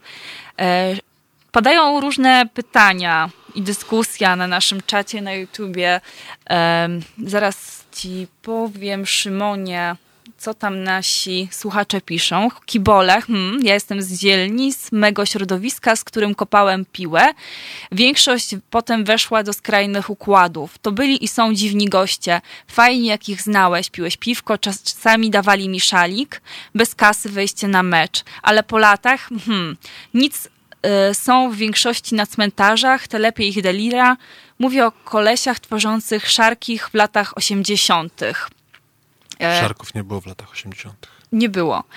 E, z jakich środowisk wywodziło się środowisko Sharksów, czyli powiedzmy w ogóle może dla tych... Kiboli, tak? E, tak, Kiboli Wisły Kraków, bo to jest nazwa, która dotyczy tej konkretnej drużyny piłkarskiej. Sharksi. Tak, tak. E to były różne środowiska, bo na przykład wszystkim się wydaje, że to, to patologia i, i nowa huta i nie wiadomo co, ale na przykład y, ten człowiek, który finalnie stanął na czele klubu, czyli był wiceprezesem Damian no, Dukat, złammy prawo, powiedzmy jego pełne nazwisko, Damian Dukat, y, pochodził z dobrego domu, z bogatego domu. Jest taka dzielnica Wola Justowska, to jest taka chyba jedna z ładniejszych i z bogatszych dzielnic mm, Krakowa i on pochodził stamtąd, ale dla odmiany Misiek czy jego prawa ręka Zielak y, pochodzili mm, takim mianownikiem, jeśli miałbym już na siłę czegoś szukać, to zazwyczaj te rodziny to były rozbite rodziny. Bardzo dużo jest chłopaków właśnie z rozbitych rodzin, którzy byli wychowywani albo przez samą matkę, albo przez babcię, albo gdzieś tam się tułali po jakichś domach dziecka i, i, i oni, można powiedzieć, że oni się musieli od samego, od małego zahartować i, i już tak, tacy, zahartowani, ale też no, siłą rzeczy zdemoralizowani mm, trafiali do tych struktur. Mm, ale byli też, no, dziwiło mnie, bo, bo teoretycznie według ich tam pojętych zasad takie rzeczy nie powinny mieć miejsca, no ale byli na przykład e, synowie policjantów i to naprawdę wysokiego szczebla wojskowych i oni też się odnajdywali w tych bojówkach. Także nie, nie ma reguły, nie ma, mm, nie ma zasady. Ka każdy, każdy nosił buławę w plecaku. Mhm. A jak to się stało, że akurat Misiek został liderem tej grupy? No, on y, ma takie cechy charakteru. No, no, ma charyzmę, tego nie można mu odmówić. Ma charyzmę, ma. Nie ma wykształcenia, bo on ma pod, podstawówkę skończoną i chyba pół roku technikum, czy te, te pół roku zawodówki, ale y, no, ma taki spryt. Ma spryt, no i niestety jak w wielu przypadkach wielu liderów grup przestępczych, jego uniwersytetem było więzienie, bo te 8 lat, które spędził, no to e, można powiedzieć, wchodził do więzienia gruby przygłup, a wyszedł z niego no już taki zahartowany, e, prawdziwy bandzior z układami, z wiedzą, z, z takim bandyckim know-how. Mhm. I wtedy dopiero to, to więzienie sprawiło, że on nabrał takiej pewności siebie, a zarazem, jak to napisałeś, pewnego rodzaju takiego opanowania, e, tak, które, bo on stał się dużo poważniejszy. No jemu, też, jemu też sprzyjały warunki, powiedzmy, w Krakowie, bo no, pewnym momencie zrobiło się pusto na szczytach tych Sharksów, bo, bo, bo część ludzi, e, przede wszystkim jakby oni się mogli rozwinąć, bo policja rozbiła takie gangi z lat 90., które rządziły w Krakowie i, i tacy ludzie jak Pyza czy jak Marchewa no po prostu zostali gdzieś tam wymiecieni przez policję i na ich, no wiadomo, że natura nie znosi próżni i na ich miejsce po prostu pojawili się kibole ze swoimi gangami. A w momencie, kiedy mm, Misiek wychodził z więzienia, to powiedzielibyśmy, że na czele Sharksów stali ludzie słabego, słabego charakteru, tacy, którzy tam gdzieś jakieś mieli problemy z alkoholem, gdzieś tam okradali swoich kolegów, byli po prostu no, no, no, słabymi bandzi bandziorami. Więc Misiek ich momentalnie e, pogonił i, i wszedł na ich miejsce i już tego, tego miejsca nie oddał nikomu innemu. Ciekawe jest też to, że ten zielak tak się przy nim utrzymał, mimo tego, że w ogóle, jak napisałeś, nie było osoby, która jakoś by poważała, traktowała poważnie mhm. tego człowieka. E, raczej był taki, mm, no ale, ale tak, Misiek mu wiele zawdzięczał i dlatego zielak się był w stanie przy nim utrzymać. Czy to tylko o to chodziło, czy jeszcze coś? To jest tak, że w takiej strukturze, no oczywiście liczy się siła, ale jednak ktoś też musi troszkę chociaż myśleć i pewne rzeczy ogarniać. I można powiedzieć, że y, Zielak był trochę takim dyrektorem zarządzającym. Troszkę ogarniał jakieś tam prawa ekonomii, troszkę coś tam miał e, pojęcie, liznął biznesu, bo, bo, bo prowadził jakiś tam skład budowlany. E, trochę miał takie większe horyzonty, gdzieś tam y, marzyła mu się jakaś współpraca zagraniczna. No, on bardzo parł właśnie do tego, żeby e, przejąć klub piłkarski i można powiedzieć, że to on był pomysłodawcą tego, żeby bandyci stali się e, właścicielami Wisły. I, i, i no, Misiek wiedział, że ktoś taki jest mu potrzebny, bo, bo samymi, po prostu, samymi takimi osiłkami, którzy po prostu latają po mieście i machają maczetami, to to raczej świata nie, się nie zawojuje. Mhm. Mnie ciekawi, e, może naiwne pytanie, odpowiedź na naiwne pytanie, ale dlaczego jest takie przełożenie pomiędzy światem, dlaczego ten świat kibolski idzie w stronę przestępczości? E, i zarabia na przykład potem na narkotykach. To znaczy, czy tym kibolom nie wystarczy, czy, czy oni nie mogą rozdzielać tych dwóch sfer i, e, i tutaj mamy przestępczość i takieś ten, tylko łączą te dwa światy. No, z czegoś trzeba żyć. Bo to jest przecież mm, takie bycie, Jak to jest w ogóle by, możliwe? Bycie kibolem to jest tak naprawdę drogi sport, bo to jest mm, wyjazdy, treningi, e, to jest tak, że taki kibol, żeby mieć szacunek, on musi imponować. On musi być y, kimś, kto wzbudza respekt, szacunek wśród młodszych, tak? Żeby przyciągnąć na przykład do... Y, jeśli taki misiek nie miałby pieniędzy, nie miałby y, dobrego samochodu, klubu, to właściwie czym miałby tych młodych z osiedli przyciągać do wstępowania w szeregi bojówki? No, żeby, żeby, żeby jednak e, biegać po, po mieście z maczetą i narażać się z jednej strony na e, drugą ekipę, która biega z maczetą, a z trzeciej strony na zawinięcie czy zatrzymanie przez policję, no to musi być kij, ale musi być też marchewka. No i tą marchewką były pieniądze właśnie z narkotyków, mm, jakieś wyjazdy, jakieś wejścia do klubów, czy chociażby właśnie wchodzenie za darmo na mecz. Mhm. E, na okładce książki można przeczytać, że kibole kontrolowali 90, 8, wcześniej pojawiało się 80, 80-90% krakowskiego rynku narkotyków. Porywali, torturowali, okaleczali, zabijali ludzi, traktowali jak śmieci poważnych biznesmenów i lokalnych polityków. A ci, jak idioci, próbowali im się przypodobać albo udawali, że nic nie wiedzą. Czy ci politycy bali się i dlatego ulegali kibolom?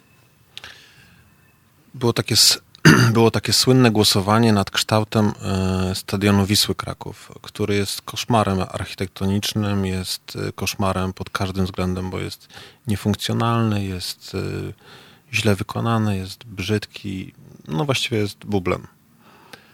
Ale to, że on wygląda tak, jak wygląda, to jest między innymi zasługa kiboli, którzy groźbami zmusili lokalnych radnych, żeby szybko w pośpiechu budować taki stadion. Więc to jest przykład. Y, część radnych właśnie była zastraszana. No ale ja opisuję też w książce takich, którzy nie, nie tyle byli zastraszani, co po prostu e, doskonale się odnaleźli w tych układach i byli, no można powiedzieć, pff, współpracownikami albo na pewno beneficjentami e, tego, tego stanu rzeczy. A mógłbyś podać przykład takiej współpracy w, e, polityków z e, członkami no, był grupy taki radny, który Był taki radny, który jak przyznawał, e, znał się z Miśkiem od małego, bo jeździli razem na mecze. Mm, w sytuacji, kiedy już e, Misiek był kim był, a radny stał się radnym, to nagle radny zapałał właśnie miłością do klubu. Mm, stworzono dla radnego jakieś fikcyjne w e, jakąś fikcyjną organizację tam wsparcia klubu, czy tam forum miłośników Wisły Kraków, jakbyśmy to inaczej nazwali, okazało się, że to było jednoosobowe, mm, e, e, jednoosobowe forum. No i on brylował w, brylował w, w loży, ale on też jakby służył do tego, był taką, no można powiedzieć, wtyczką miśka w mieście, tak, w urzędzie. I, i, i taki człowiek się no, oczywiście przydaje, tak, no bo to jest lob, lobbying, to, jest, to, jest jakiś, e, to są jakieś wpływy, to są jakieś, to jest wiedza, tak, o jakichś mechanizmach, o jakichś e, rzeczach, które można załatwić i, i takich ludzi było, było kilku, kilku w Krakowie. A jakie było prawdopodobieństwo, że e, no, ci kibole przejmą miasto? E, chodzi o władzę, władzę w mieście. E, tutaj na okładce mówisz, Damian, kiedyś będziesz prezydentem tego miasta. Chodzi o wiceprezesa, e, byłego wiceprezesa.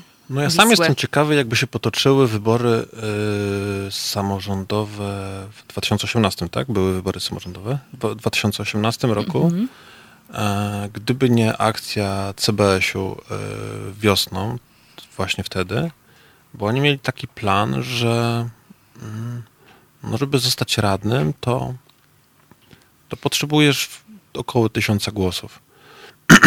I gdyby oni mieli, oni chcieli wsadzić swoich ludzi na listy nie, nie, nie, bez przywiązania do konkretnych partii i bez przywiązania do jakichś konkretnych numerów na listach. Oni sobie wymyślili, że jeśli wsadzą na, na, na, part, na listy w różnych e, komitetach wyborczych swoich ludzi, to tymi siłami ki, kibiców rozrzuconych właśnie po, po, po różnych e, dzielnicach, no są w stanie zdobyć powiedzmy na początku kilku radnych, tak? No i to już jest jakaś tam siła polityczna. Mhm. Czyli e, ta siła kibiców jest tak, znaczy, mm, czyli zwykły kibic też popiera te działania kibolskie? E, na tyle, że mógłby wybrać kibola, którego na pewno zna z jego działalności na radnego? To jest Mówiłeś, tak, że, że oni mają. jest specyficzny, ale To jest tak, że oni, oni mieli do pewnego momentu świetnie e, ogarniętą propagandę. Mieli swoich dziennikarzy, e, mieli przychylne media, mieli też umiejętności zastraszania, więc a kibice jako masa to niestety mm, są łatwi. To, to jest masa, to jest grupa łatwa do sterowania. To jest e, grupa podążająca za jakimiś instynktami stadnymi, więc to jest mm, łatwe do e, narzucenia pewnych jakichś e, zachowań. Hmm. Padają tutaj takie sugestie na naszym czacie. Ja nie mam zupełnie wiedzy na ten temat, na temat syna ministra Gowina związanego z decyzyjnymi w Wiśle. Czy ty w toku swojego śledztwa jakieś no, powiązania e, odkrywałeś? Syn, syn, syn, ministra Gowina to akurat był pozytywną postacią e, w tej całej historii poniekąd, bo mm, ta słynna siłownia, która należała do Miśka, w pewnym momencie stała się ciężarem, bo jakby w Wiśle już nastąpiła zmiana warty. E, no i nie wiadomo było, co zrobić z tą siłownią, no bo de facto Misiek już był w areszcie, ale w papierach cały czas figurował jako właściciel. Mm, to dość pokaźny majątek, bo to jest tam kilkaset metrów kwadratowych z pełnym wyposażeniem. No i tak nagle znalazł się właśnie syn, syn i syn i bratanek bodajże pana Gowina i oni jakby przez spółkę, która się zajmowała właśnie obsługą siłowni, mm, przejęli to, to, to całe ustrojstwo i w tej chwili można powiedzieć, że to działa i to jest jakiś tam pozytyw tego, że z rąk Miśka udało się odbić tę siłownię i prowadzi ją właśnie, no, prowadzą ją ludzie powiązani z, z, z wicepremierem Gowinem. Mhm. A Misiek jest obecnie w e, zakładzie karnym? W areszcie. Tak. W, areszcie w areszcie ciągle? To jest taka e, przykra historia, że nie warto e, niestety, no... Misiek poszedł na układ z prokuratorem. Prokurator mu coś obiecał, że jeśli obciąży tych wszystkich swoich kolegów, to po jakimś czasie wyjdzie. No niestety postawił na, na, na złą kartę Misiek, bo miesiące, lata, miesiące mijają Minął już ponad rok yy, i z tej obietnicy na razie nic nie wychodzi. Misiek dalej siedzi w areszcie, mimo że obciążył bodajże już kilkaset osób. No tak tam rośnie w nim frustracja i niezadowolenie, ale no powiedzmy, że raczej nie ma zbyt dużego pola manewru. A ty odwiedzasz go w areszcie? W areszcie może go odwiedzać tylko adwokat i rodzina. Mhm. A skąd wiesz o rosnącej frustracji? Bo odwiedza go adwokat i rodzina. Okej. Okay. E, rozumiem. E, czyli bo to, tam też pojawiał się wątek konkubiny, e, która podobno mhm. duży wpływ miała na przemianę Miśka. E, no, ale to nie jest historia jakby szczęśliwego związku, więc obawiam się, że jakby nie, nie przetrwa próby czasu ta, ta relacja no, oni mieli specyficzne podejście do kobiet, bo tutaj jakby hmm, powiedzmy, że takie y, wartości jak wierność, to oni mają tylko na sztandarach i w życiu raczej nie stosują. Y, kobiety też jakby im służą do konkretnych celów, raczej ja im się trochę nie dziwię, bo nie mają pewnych y, uczuć, pewnych wartości wykształconych, więc ich po prostu nie, nie używają, bo ich nie mają, bo nie wiedzą jak stosować ale no ciężko być kobietą. A do czego im służą kobiety? Oprócz. Do tego właśnie. E, oprócz tego do. No ktoś. Często one są. E, często one trochę pomagają w interesach, pilnują domu. Hmm, no, z wielu z nich ma dzieci, więc zajmują się dziećmi. I, i, i raczej no, taka, powiedzielibyśmy, tradycyjna rola kobiet jest. No. Mhm. E, słuchaj, słuchajmy wszyscy teraz e, Land on w Confusion. E, nie, przepraszam, teraz będzie Sting, e, Message in a Bottle, a potem będziemy kontynuować rozmowę o Wiśle Kraków.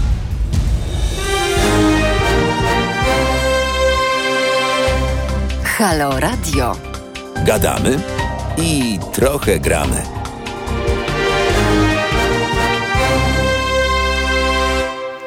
Drodzy słuchacze, drogie słuchaczki, tak przyszło mi do głowy, że jeśli Państwo chcą jeszcze podzielić się z e, histo historiami z jakichś innych klubów i wtrącić swoje trzy grosze, to my możemy nawet e, odebrać taki telefon i mogą Państwo z nami się skontaktować. E, numer telefonu 22 39 059 22. Mogą Państwo też napisać na adres terasmałpahalo.radio albo tak jak e, wielu z Państwa robi, napisać na czacie na YouTubie. E, skorzystali Państwo z tego już niejednokrotnie, także zachęcamy i teraz. W studiu jest bardzo ciekawy gość, autor książki Wisła w ogniu. Może ja ją pokażę, bo jeszcze nie pokazywałam. E, o, może tutaj Janek. O, super, pięknie. Szymon Jadczak jest autorem tej książki.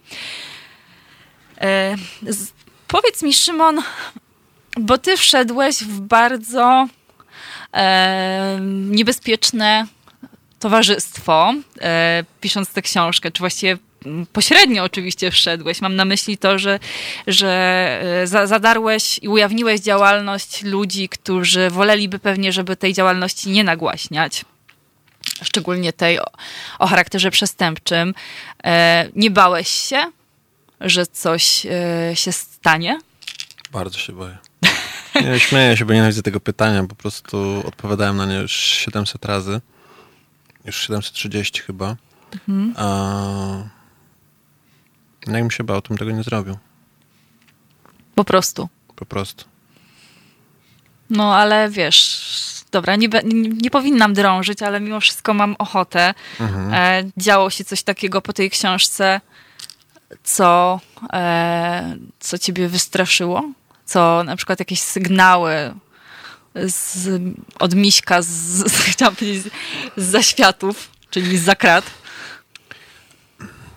Było takie, e, ja opowiem jak to wygląda w praktyce. Mm, było takie zdarzenie, dostałem cynk, że tam stoi spalony samochód w Krakowie. Już po wydaniu książki, no jakoś tak niedawno że stoi gdzieś tam e, spalony samochód na krakowskim osiedlu. No i wysłałem tam ekipę jakąś naszą z tvn z Krakowa. No i oni podchodzą e, i zaczynają e, kręcić ten samochód, bo to był oczywiście samochód spalony kibola, tak, w ramach jakichś tam porachunków. No i ten kibol taki nabuzowany, bo właśnie mu spali samochód, a tu jeszcze jakaś, jacyś dziennikarze mm, się kręcą. E, podchodzi do nich i zaczyna ich gdzieś tam wyzywać, tak? I w końcu ich pyta, skąd wy jesteście? No z TVN-u. Od Jadczaka? No od Jadczaka. Mhm. No i odwrócił się i odszedł. I ja tego nie do końca rozumiem, dlaczego tak się dzieje, mm, ale my jakoś tak z tymi kibolami żyjemy, znaczy ja żyję z nimi jakoś tak, dobrze z nimi żyję. No, oni dzwonią do mnie z tych swoich zakładów karnych czy z aresztów, i dziewczyny do mnie dzwonią, ja, e, jacyś tam koledzy dzwonią. No, dostałem na premierze filmu Patryka Wegi, byłem w koszulce Wisła Sharks, którą dostałem od jednego właśnie z kiboli. Można powiedzieć, że się zakolegowaliśmy. No. Czyli oni nie mają pretensji do ciebie o tę książkę? Nie no, część ma, bo, bo, bo, bo to jest też tak, że na przykład część rzeczy, które powyciągałem w książce, to mm, gdzieś tam może komuś pomogły w jakimś śledztwie i ktoś sobie połączył jakieś punkty, albo już uznał, że czegoś nie może dłużej chować i, i trzeba to już e, wyciągnąć i komuś za to zarzuty postawić. Przede wszystkim też jakby no, i mój materiał, i książka sprawiły, że Misiek stał się no, człowiekiem poszukiwanym, przestępcą poszukiwanym numer jeden i o ile go przez ileś tam miesięcy się nie dało złapać, to po premierze reportażu od razu jakaś tam specjalna grupa pościgowa powstała i, i się nagle go tam udało chyba w dwa tygodnie e, schwytać. I, i powstała jakaś specjalna grupa do, do, do ścigania ich w Krakowie, gdzie się latami to jakoś nie, nie, nie mogło udać. Więc oni też sobie zdają sprawę, że e, poniekąd dzięki mnie tam no, no, no mają trochę trudniej w życiu, ale też jakby, no co, co dałoby zrobienie mi krzywdy, mm, to jedynym efektem byłoby to, żebym jeszcze więcej pieniędzy zarobił na tej książce, bo ta książka by się jeszcze lepiej sprzedała. No i też nie są jakimiś orłami intelektu, ale aż tak głupi nie są, żeby no, no robić krzywdę dziennikarzowi. No i jakby ja to wiem, oni to wiedzą i tak sobie jakoś żyjemy. No. Mhm. A sam Misiek uczestniczył w powstawaniu tej książki? Z Miśkiem jakieś tam maile wymieniliśmy, ale on na razie jeszcze musi dojrzeć do tego, żebyśmy powspółpracowali. A to będzie kolej, e, kolejna Wisła w ogniu albo Wisła Nie, no, w Misiek piekle? jest albo... na tyle ciekawą osobą, że mm, po prostu no, no, no, no, no ja liczę na to, że kiedyś z nim siądę, porozmawiam i, i, i, coś może z tego powstanie, bo to aż szkoda było, żeby, żeby, żeby no, nie próbować dotrzeć do tego człowieka. Mhm. Czyli będziesz takim drugim Jarosławem Górskim, który z masą rozmawiał o, na, we wszystkich możliwych konfiguracjach. E, oni sprzedali milion egzemplarzy. Myślę, że daleko mi do tego, ale też e, mm, myślę, że tak od trzeciej książki to już tam fakty raczej tylko ich nazwiska na okładkach się zgadzały, a, a reszta to już tak trochę no, była szyta. Nie, no nie, nie, nie, nie. Myślę, że ta historia zasługuje po prostu na, nie wiem, na dobry serial na przykład. Powiedz mi, po aresztowaniu Miśka, czy to y, ten światek przestępczo-kibolski odrodził się? Jest teraz jakiś nowy Misiek w Krakowie? Nie, nie, nie, nie. To teraz jest totalna rozsypka. Mm. E, oni właściwie nie wiedzą, właściwie, nie wiedzą teraz, w którą stronę iść, kto rządzi, jak, jak to ma wyglądać dalej. Wiadomo, że dalej gdzieś tam istnieją. Dalej na trybunach jest jakiś doping, ale e, pewnie wszyscy kojarzą, była jakiś czas temu taka awaria na Facebooku, gdzie można było podejrzeć, kto prowadzi dane konta. No i okazało się, że e, profil tej obecnie takiej najsilniejszej grupy właśnie kibolskiej prowadzi dziewczyna. Więc, więc jakby no, to też świadczy o tym, w jakim oni są obecnie miejscu. No A... nie, nie ujmujmy dziewczyną. Dlaczego dziewczyna miała nie być, nie być kibolką? No bo dla nich jest to obraza. Nie ma dziewczyn kibolek. W, w, filmie Patryka Wegi właśnie, wracając na chwilę do tego, no, myślałem, że wyjdę z kina jak e, jedna z bohaterek w eleganckiej sukience i w szpilkach na E, trybunach odpala racę stojąc wśród kiboli. No, takie rzeczy się, to jest jakaś aberracja, takie rzeczy się nie zdarzają, tak? Tam e, dziewczyny są gdzieś tam na obrzeżach jako po prostu takie, jak zespoły miały kiedyś grupis, to, to, to, to właśnie kibole mają takie grupis, które gdzieś tam wiadomo w jakim celu przychodzą, ale nie ma czegoś takiego, że dziewczyna może jakoś zaistnieć w strukturach kibolskich. Pamiętam też taki film Skrzydlate świnie.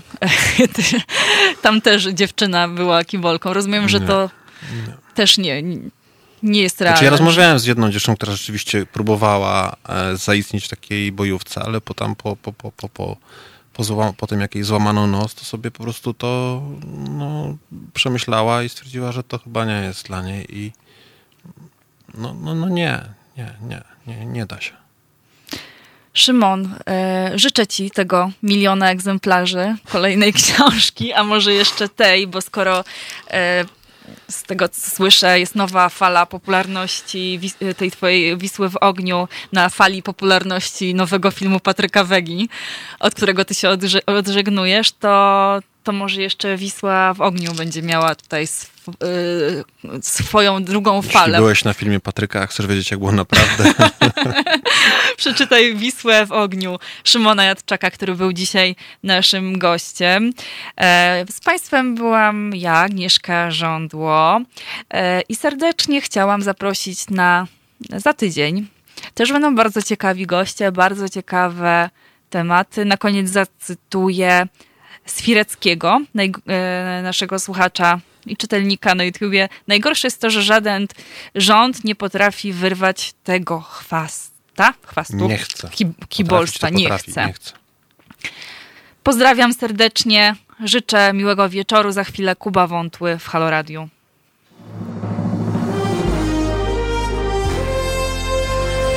To proste. Żeby robić medium prawdziwie obywatelskie, potrzebujemy Państwa stałego wsparcia finansowego.